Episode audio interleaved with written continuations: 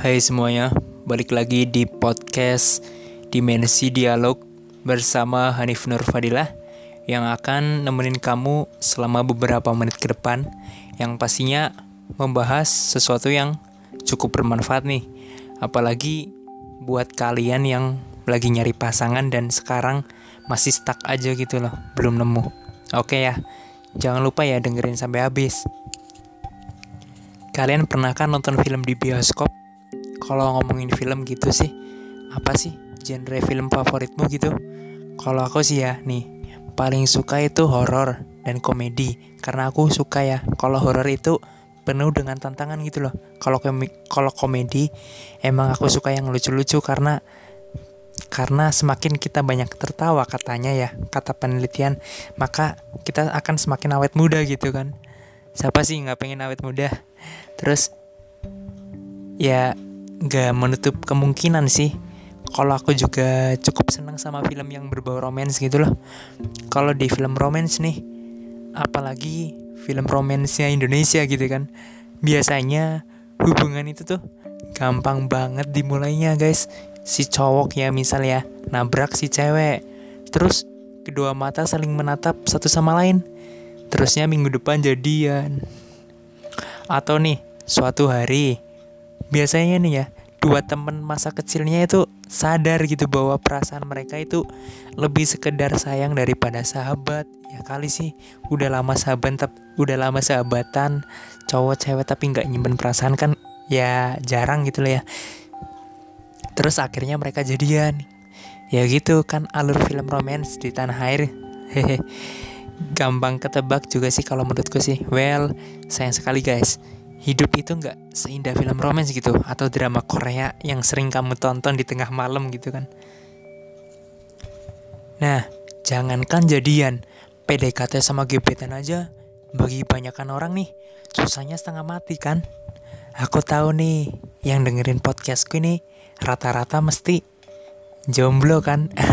Bercanda kok guys. Mana coba yang jomblo angkat tangan.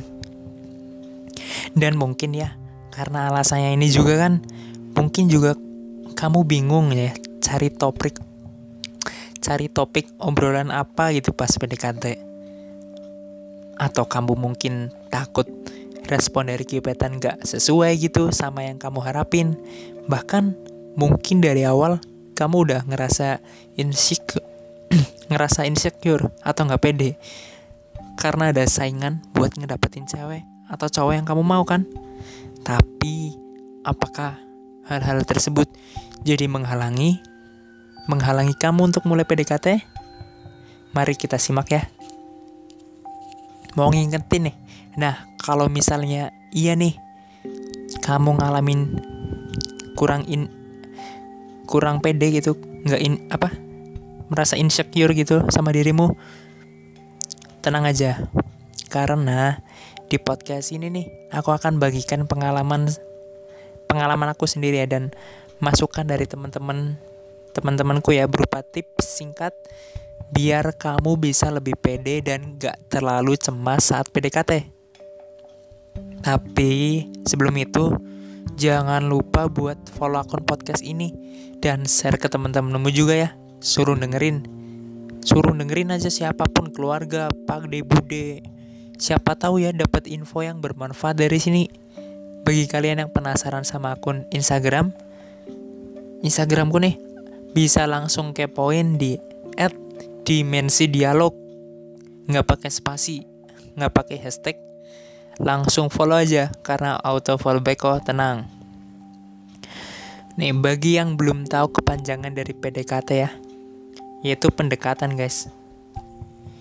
Ini merupakan tahap sebelum menjalin hubungan antara sama orang lain nih.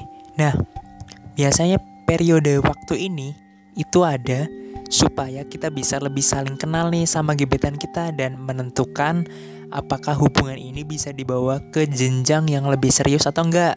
Dalam konteksnya nih, yang lebih serius ini bisa jadi ya kayak jadian, bisa jadi mengingkar janji dan lain-lain lah. Karena itu, biasanya pada saat PDKT, orang-orang itu selalu berusaha sebisa mungkin menampilkan sisi baik mereka nih. kayak istilahnya pencitraan dikit lah bos. Positifnya yang mereka tonjolin ya ya kali baru kenal. Ya kali ya ya positif positif lah. Ya kali sih baru kenal udah mau nunjukin sisi buruknya kan nggak mungkin ya. Kenapa? Ya karena supaya gebetanmu itu tertarik sama kamu dan mau buat ngelanjutin hubungan ke jenjang yang lebih serius kedengarnya sederhana kan tapi ya tetap aja banyak banget fakta di lapangan yang ngerasa nggak pede dalam memulai PDKT nih. Dan kalau misalnya kamu termasuk orang ini, kamu pas banget karena kamu mungkin ngerasa kayak gitu ya. Jadi kenapa sih sebenarnya? Ada apa emang sama PDKT? Nah, ada nih beberapa alasan kenapa kita jadi nggak pede saat PDKT. Apa aja nih?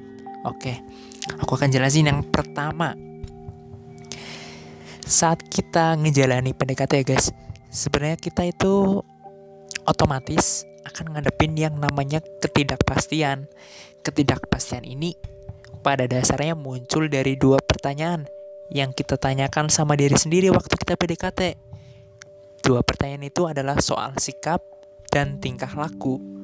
Pertanyaan soka pertanyaan soal sikap contohnya apa sih nih nih contohnya nih dia seneng gak sih ya? Sebenarnya kalau chat sama aku banyak lah kamu mikir-mikir gitu. Atau misalnya aku annoying gak ya? Kira-kira buat dia. Nah sedangkan pertanyaan tentang tentang tingkah laku itu gimana contohnya nih?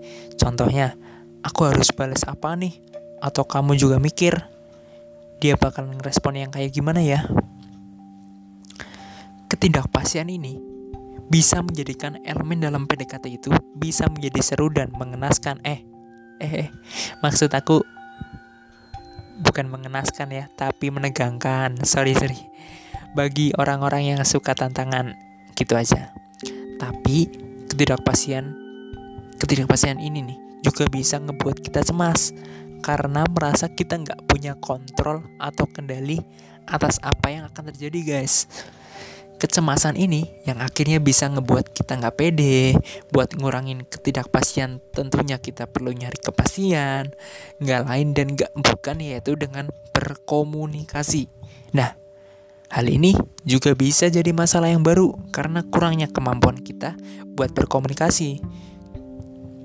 Justru kurangnya kemampuan berkomunikasi membuat kita semakin gak pede dalam PDKT. Dan itu adalah contoh kurangnya kemampuan berkomunikasi guys.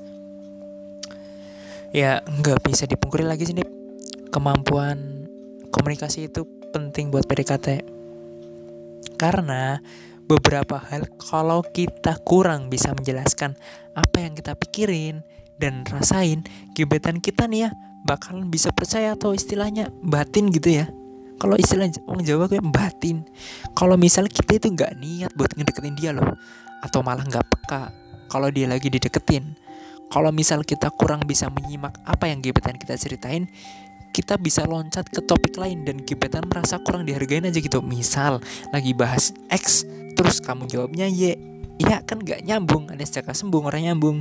Nah pernah nggak ngalamin kayak gitu guys nah selain itu juga ya kita juga bisa ngerasa nggak pede dalam PDKT karena pola kelekatan yang insecure, insecure guys. Aku dari tadi ngomong insecure salah terus ya. Memang lidah Jawa ini tidak bisa. Ini yang nomor tiga nih. Nah, pola kelekatan pada dasarnya adalah pola kita dalam berinteraksi dan bertindak dalam suatu hubungan. Kalau pola kelekatan kita aman atau secure, kita bisa nih percaya dengan orang lain dan mudah dalam menunjukkan perasaan pastinya. Mudah dalam menunjukkan afeksi dalam hubungan. Jadinya ya santai. Tapi selain itu nggak membuat kita selalu tergantung sama pasangan kita. Tapi kalau pola kelekatan kita insecure, ada beberapa kemungkinan yes yang bisa terjadi. Kita bisa merasa cemas dan stres terus menerus karena hubungan kita. Bahkan merasa nggak bisa hidup tanpa pasangan atau kita jadinya nggak bisa percaya dan kurang nyaman berhubungan sama orang lain. Nggak cuma soal asmara tapi bisa jadi sama temen sama keluarga dan lain-lain lah. Atau bisa jadi kita nggak nyaman berhubungan sama orang lain. Dan atau juga kita jadinya ngerasa nggak bisa melampiaskan emosi kita ke orang lain. Emosi ini nggak cuman emosi marah ya pastinya kamu bisa ngelampiasin em ngelampiasin emosi seneng emosi sedih emosi bahagia dan itu menyiksa. Nah kenapa sekarang pola kelekatan insecure bisa ngebikin kita nggak pede? Kalau misalnya PDKT well karena kita sadar misalkan sikap dan perilaku kita itu bisa bikin ilfil atau malah mengecewakan gebetan kita akibatnya ya kita mundur duluan mundur alon-alon bos gitu loh. Mergo sadar aku sopo dan nggak jadi PDKT Nah, kita juga bisa ngerasa nggak pede dalam mulai PDKT karena merasa kita nggak berhak buat memulai. Biasanya nih, ini dirasain sama cewek nih. Nah, padahal kan nggak ada salahnya gitu kalau perempuan mulai duluan. Menurut aku, kalau udah ada teknologi kayak misal Tinder dan dating apps gitulah perempuan tuh bisa jadi sama aktifnya kayak laki-laki gitu dalam memulai hubungan duluan nah sampai sini dulu nih. Apakah dari kalian pernah ngalamin masalah-masalah yang menghambat PDKT tadi? Nggak usah malu. Kalau misalnya kayak gitu guys. Kalian cukup dengerin podcast ini sampai menit akhir. Setiap biasa aku nggak ada capeknya buat ngingetin ya. Kalian jangan pernah skip. Ya di skip. Jangan pernah di skip. Karena setiap detiknya tuh berharga. Bernafas aja berharga apalagi berbicara ya kan? Oke aku punya tips nih versi aku ya yang bisa kalian lakuin dulu nih untuk langkah awal supaya lebih pede dalam PDKT gimana aja caranya nih oke aku jelasin yang pertama kamu harus mulai dari diri kamu sendiri dulu deh kenali dan terima diri kita terlebih dahulu. Misal, kayak kau introspeksi dulu lah. Kau kurang apa? Sebenarnya pola kelekatanmu selama ini gimana sih? Kelebihan apa yang bisa kamu manfaatin dan kekurangan apa yang bisa kamu perbaikin? Masalah yang belum terselesaikan dari hubungan sebelumnya yang kamu punya nih. Dari situ kamu bisa menyelesaikan isu yang kamu milikin dulu. Biar apa nih? Ya biar gak ke bawah ke hubungan kamu selanjutnya dong. Dan kalian bisa juga lebih yakin sama diri kamu sendiri gitu. Lebih ayam lah ya kalau udah diselesain masa lalunya. Yang kedua tingkatin kemampuan berkomunikasi Gak harus kamu masuk ilmu komunikasi bukan aku ngelarang kamu masuk prodi ilmu komunikasi buat ningkatin komunikasi Ingat ya, aku berjelas lagi nih. Kemampuan komunikasi di sini tuh bukan cuma nyari topik aja pas lagi nyepik. Terus bukan cuma nanya kabar kayak udah makan belum, udah ke WC belum, udah mandi belum. Itu ya mungkin ya bagi sebagian orang itu ilfil dan pertanyaan-pertanyaan itu membosankan. Nah, tapi juga kemampuan buat kamu latihan buat mengutarakan pikiran gitu sekali-kali dan perasaan kita dengan jelas dan gamblang. Ingat ya, komunikasi itu adalah soal mengtransfer apa yang ada di pikiranmu dan perasaanmu ke orang lain. Supaya apa? Supaya dia mengerti. Yaitu intinya, bukan soal nyari topik, bukan soal dapat kesempatan buat sentuh-sentuh, apalagi grepe-grepe kayak gitu ya. Pokoknya yang penting kamu bisa menyampaikan apa yang ada di dalam otakmu. Keluarin semuanya. Dan apa yang kamu rasain secara clear. Dan kamu dan apa yang kamu rasain sampai clear maksud aku, maaf. Caranya ya kita praktekin dulu ke orang-orang terdekat sama kita. Ke zona aman kamu ya. Misal kakak, adik, atau boleh juga tuh ke teman-temanmu yang sering kamu curhatin.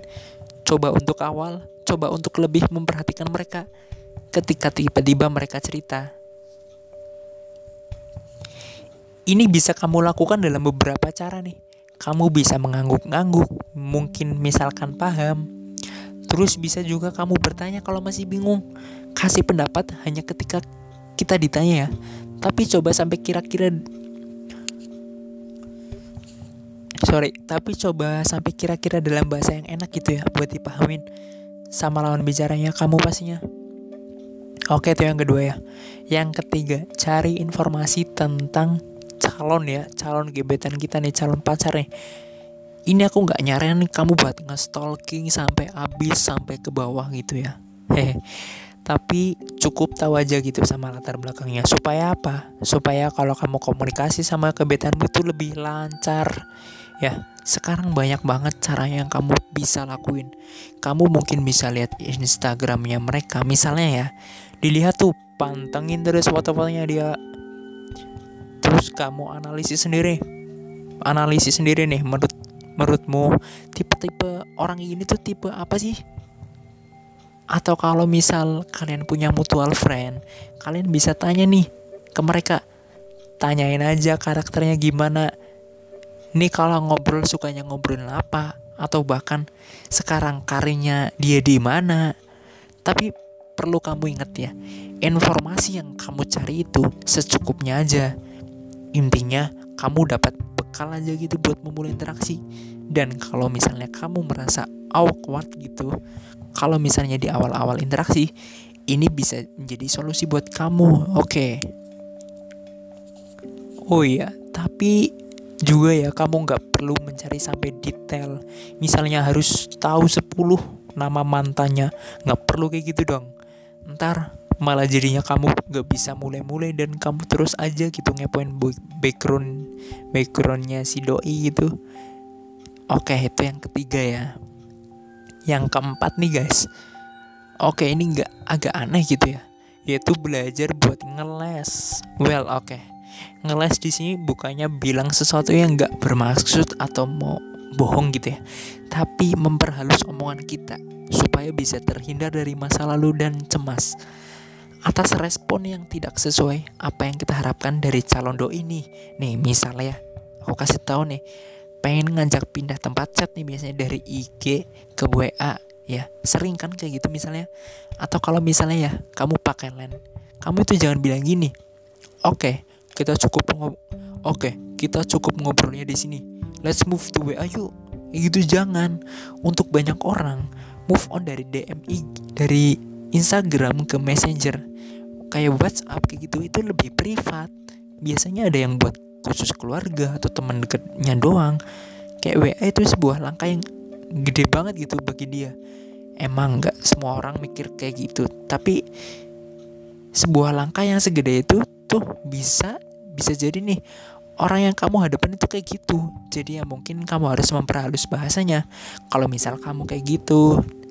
Nah kamu bisa kasih disclaimer nih well gini loh. Kamu bilang aja kalau nggak terlalu sering buka DM-an kalau misalnya kamu lewat DM ya. Jadi kalau misalnya kamu tertarik, let's move let's move to WhatsApp.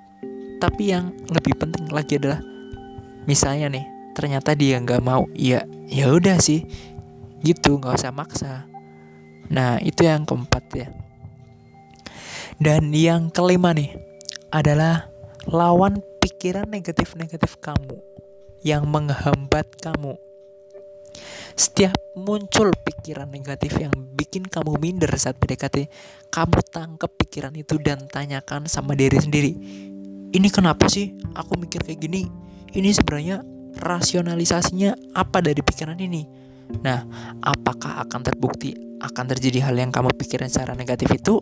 Atau sebenarnya it's not rational aja gitu, cuman mekanisme dirimu buat menghalangi kamu, menghalangi kamu. Dari mulai ngobrol sama gebetanmu misalnya kamu nemu nih cewek cantik dari Instagram dan biasanya kalau kamu cowok biasanya nih kamu mulai kebayang buat ngechat duluan kan. Ya nggak semua cowok kayak gitu sih. Tapi kalau aku biasanya sih ngechat duluan gitu.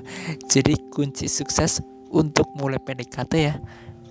Ya itu dengan persiapan yang matang iya persiapan kita buat ngadepin gebetan kita maupun ngadepin segala kecemasan yang asalnya bisa dari diri kita atau dari gebetan kita nih.